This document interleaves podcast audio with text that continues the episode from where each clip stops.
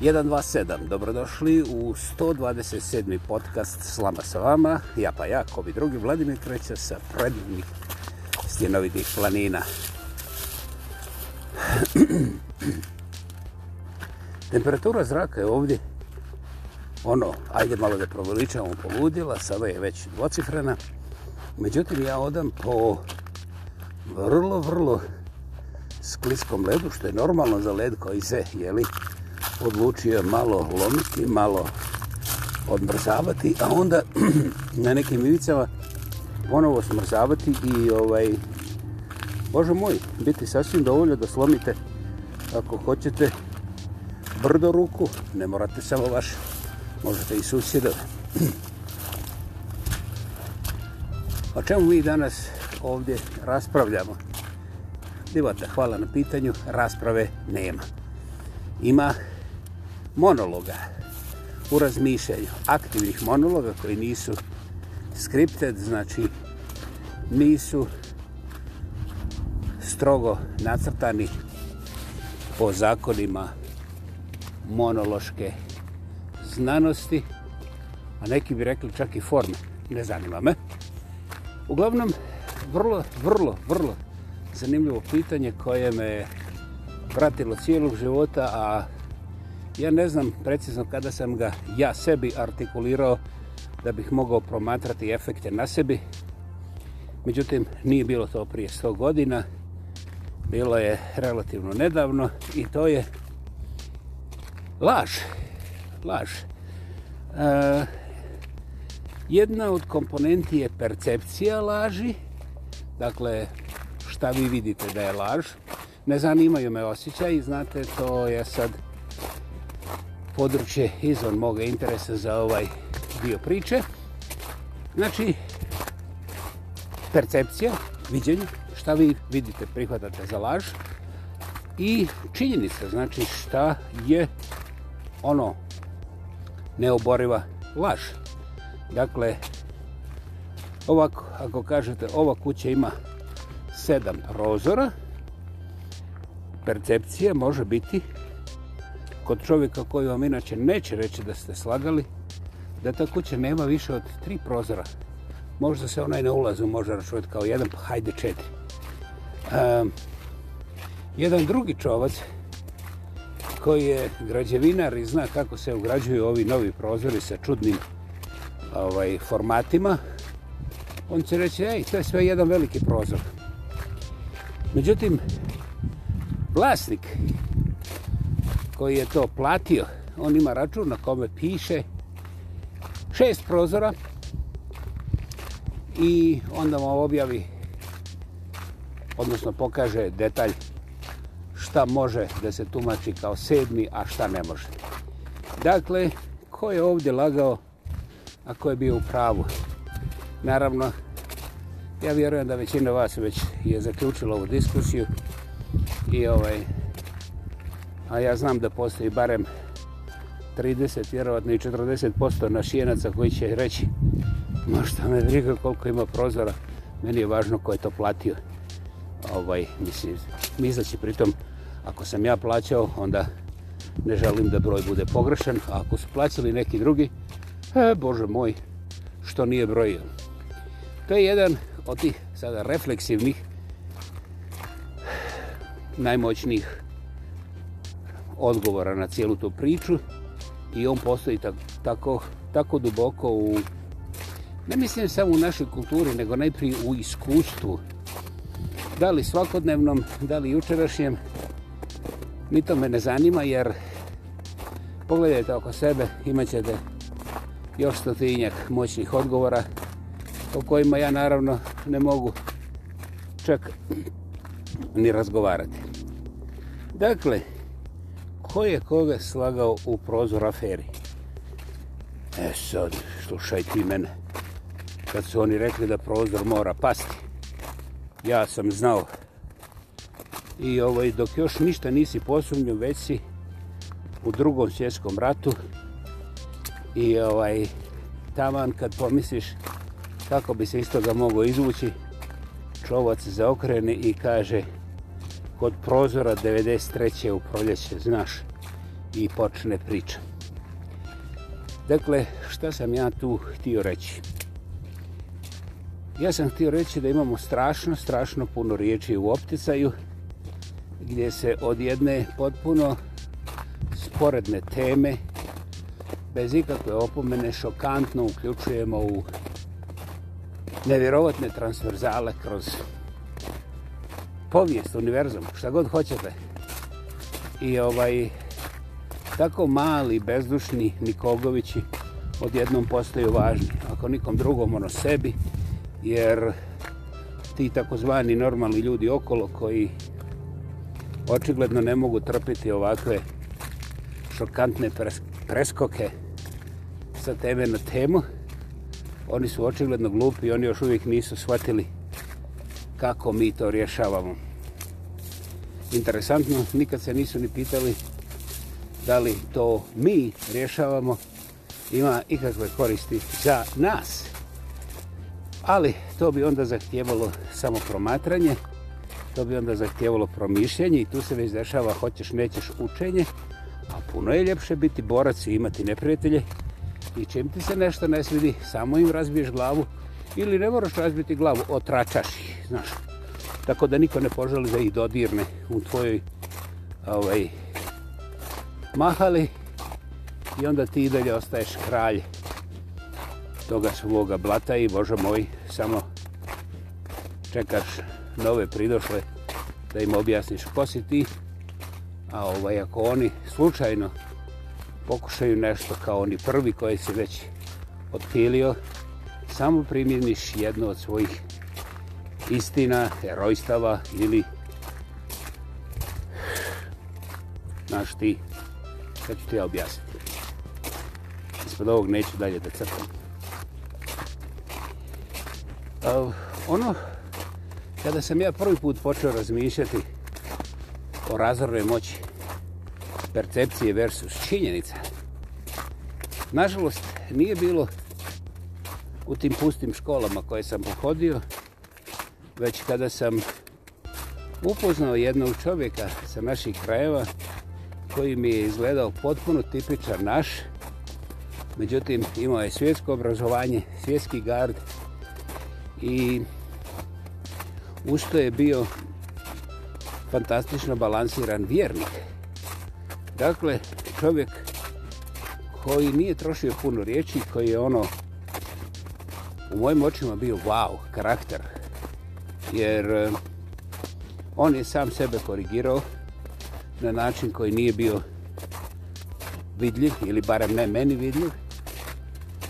On je uvijek pronalazio rješenja koja su bila balansirana i on je vrlo dobro znao ko su ti nekakvi dušmani i ratovi iza nas. Međutim, cijeli njegov život danas, poslije rata i ovdje na krajnjem zapadu, nije se dodirivao tih tema, već je on bio pragmatičan i borio se da njegova familija se postavi najbolje, da ima najstabilnije poslove i da žive kao civiliziran svijet. To je meni i tekako imponiralo i ja sam bio duševjen da to mogu gledati. A... Uh, samim tim desilo se nešto što sam ja tek kasnije mogao da primijetim, a to je kada vas neko oduševi svojom perfektnošću, vi dugujete sebi da se odvojite od svega toga bare mjesec dana i da promatrate sebe kako reagirate. Jer ja znam što je prva ljubav. Ja sam bio blagoslovljen da je imam i evo traje do današnjeg dana. Međutim, mada je ta ljubav u svemu veličanstvena bila onda i sada, cijena cijele te priče, aha, egzistenciji života, tog velikog dijela života, nije ni malo bila naivna, a iskušenja su malte ne bila na svakom koraku. Dakle, čak i kada imaš idealnu ljubav, to nije poklon koji se desi za 15 minuta, pa onda sve funkcionira do beskraja perfektno. Jednostavno, nije. Međutim, sa ovim čomcom ja nisam pomišljio ništa provjeravati. Jer jednostavno, nakon svih primitivusa, nakon nevjerovatne nevjerovatnog patosa koji je doista bio tu na svakom koraku. Ja sam bio presretan da postoji čovjek koji je onako potpuno istinski svojom voljom i svojim načinom života jest naš, ali potpuno svjetski. I, znaš, hoćeš, nećeš, odjednom se desi da naletiš na kvrgu. Znači tvrdo i grbavo, a nije trebalo biti tu. Onda misliš da je to neka tvoja krivnja. I tako redom, naravno, puno duže nego što je bilo normalno, dok ne primitiš da taj čovac ima fantastičnu masku, koja je i tekako dobro odrađena i da on u stvari pokriva ono što rade.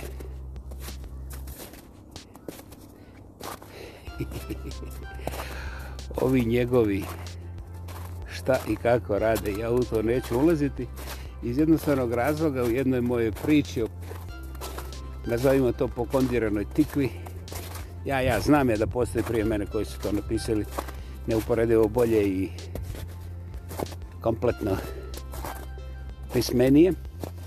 Ali eto, ima pokondirani tikvi danas, pa to meni daje za pravo da ja napišem svoju pokondirani tikvu. I onda, ovaj, ja napišem nešto što se poklapa sa tim trikovima i sa tim maskama i maglama koje on i njegov tim prodaju okolo. I onda se desi da se čovjek uvridi pa kaže da ja kad razgovaram s njima idem trčim tamo na internet da piskaram bezvezne stvari o njihovom privatnom životu. Ja sam mislio da je to vic. Ovaj, nekakva eh, ad hoc sarkastična black joke.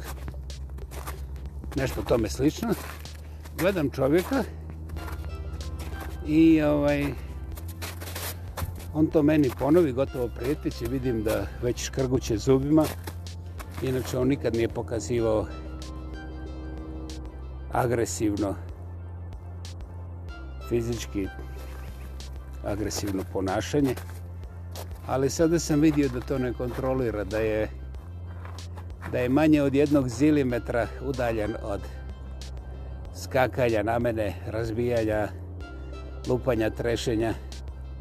Odu mu neko dao mortalje, on bi spali jedno pešest ovih, mislim, rednikova ili redenikova ili kako se to zove, magazinova, ne znam, ne zovite kako hoćete. S tim što bi to meni također bilo ok, jer kada sam shvatio i diskusije koje je sledila, bilo je puno gore od tog mortaljeza i ovaj, Doista nisam htio da se probudim, od toga je sada prošlo već he, dobrih 5-6 godina. Ali ovaj nisam morao da analiziram i da gledam unazad. Taj čovjek voli sebe vidjeti kao vjernika. Nije vjernik. Iz mas razloga ja neću da sada uh, radim biopsiju moralnog govna, ali to je isti onaj princip, one velike muškarčine, ovaj, što su, imaju super velike mišiće, YMCA i tako dalje, što pucaju od tih muških epiteta, pa oni su muški koji vole muške, znaš. Oni nikada, mislim, žene znaju, vrlo dobro znaju da ti super razvijeni, super švarceneggeri, uglavnom imaju problem ne samo sa fitiljom, nego gdje taj fitilj lansiraju. Naime, taj fitilj je puno više cijenjen u muškim okruzima ili tako tim nekim muškim sredinama. Dakle, istina je, uglavnom je istina, to nije precizno kao kompjuter, nego je puno preciznije, ali morate imati otvorene oči. Znači, ti perfektni ljudi, kada god ih nađete u životu, udahnite, odvojite se malo, primijetit ćete da je to vaša fascinacija nekim aspektom te takozvane perfektne osobe, jer perfektne osobe onako čak i u bazičnom razmišljanju ne postoje.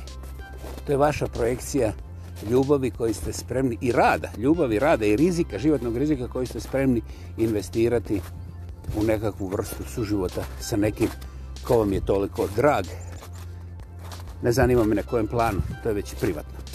Dakle, ja sam tu perfekciju ovaj, platio žestoko i onda bio optužen da ja nešto cijedim, što ja mislim da je sasvim u redu. Sasvim u redu jer ovaj, oni su kao trik majstori bili potpuno uvjereni da me imaju apsolutno u džepu i da sam ja od one ograničene vrste koja se nikad ne može probuditi ni sagledati. A kamoli da se sjeti šta se sve izdešavalo. Međutim, znate, ne postoji također ni idealna matematika. A problem sa matematikom je što ne možeš da je staviš u žep, jer svako ko hoće da koristi mozak, može da koristi i matematiku. Dakle, trik majstori, evo vam besplatno jedan, jedna činjenica, koja svaki put farcera i ne ovisi od toga da li je kod njih ili kod nas, jer matematika ima tu karakteristiku božanske istine. Objektivna je. A šta ako vi koristite matematičke trikove i poluznanje svoga gledališta? Pa to je dobro pitanje, fantastično. Onda ste vi u puno većem sosu nego što možete zamisliti. E, ja nisam oduševljen niti impresioniran što ćete vi danas sa tim vašim pristupom a, prikupiti više za sebe. Zato što sa tim više za sebe, na tim poluznanjima, polumatematikama danas, će vas eksponencijalno, provjerite u rječniku, koštati više sutra. Znate ona karma, to nisam spominio ja. Pametni ljudi čak i šute, ne spominjuje. Ali to dolazi na naplatu. I onda, opet matematika, i onda ti ljudi koji su apsolutno povjerovali triku, stave taj trik ponovo na papir, baš matematički trik, i pošto su sada smireni, oni primijete gdje ste vi manipulirali s njima. Oni sada imaju neoboriv dokaz koliko ste vi jeftini, krvožedni i niskoristi. koristi. Dakle, a, vi sa svojim insistiranjem na trikovima samo stavljate omču na vrat sebi i svakako generaciji koja je vaša, znači to su najprije vaša djeca, a onda redom, jeli, kako to već ide. Ako mi hoćete reći da djeca Džingis Kana nisu puno patila i još tako neke druge historijske paralele, znate, ne pomislim da to komentiram, jer to su pojedinci sa naslovnih stranica.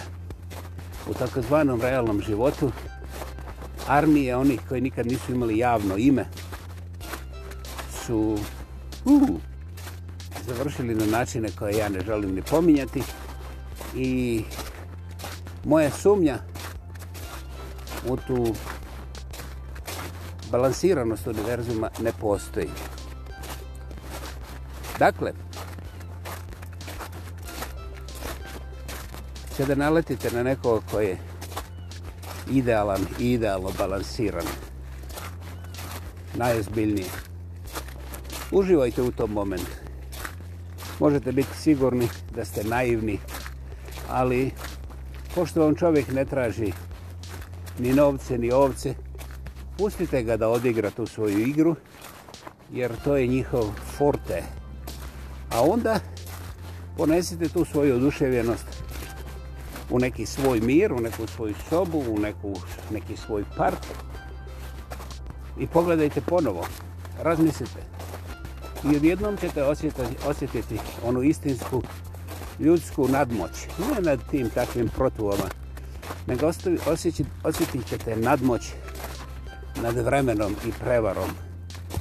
Osjetit, osjetit ćete se slobodnim ljudima zrak će vam dolaziti dublje u pluće i bit ćete lakši i sretniji.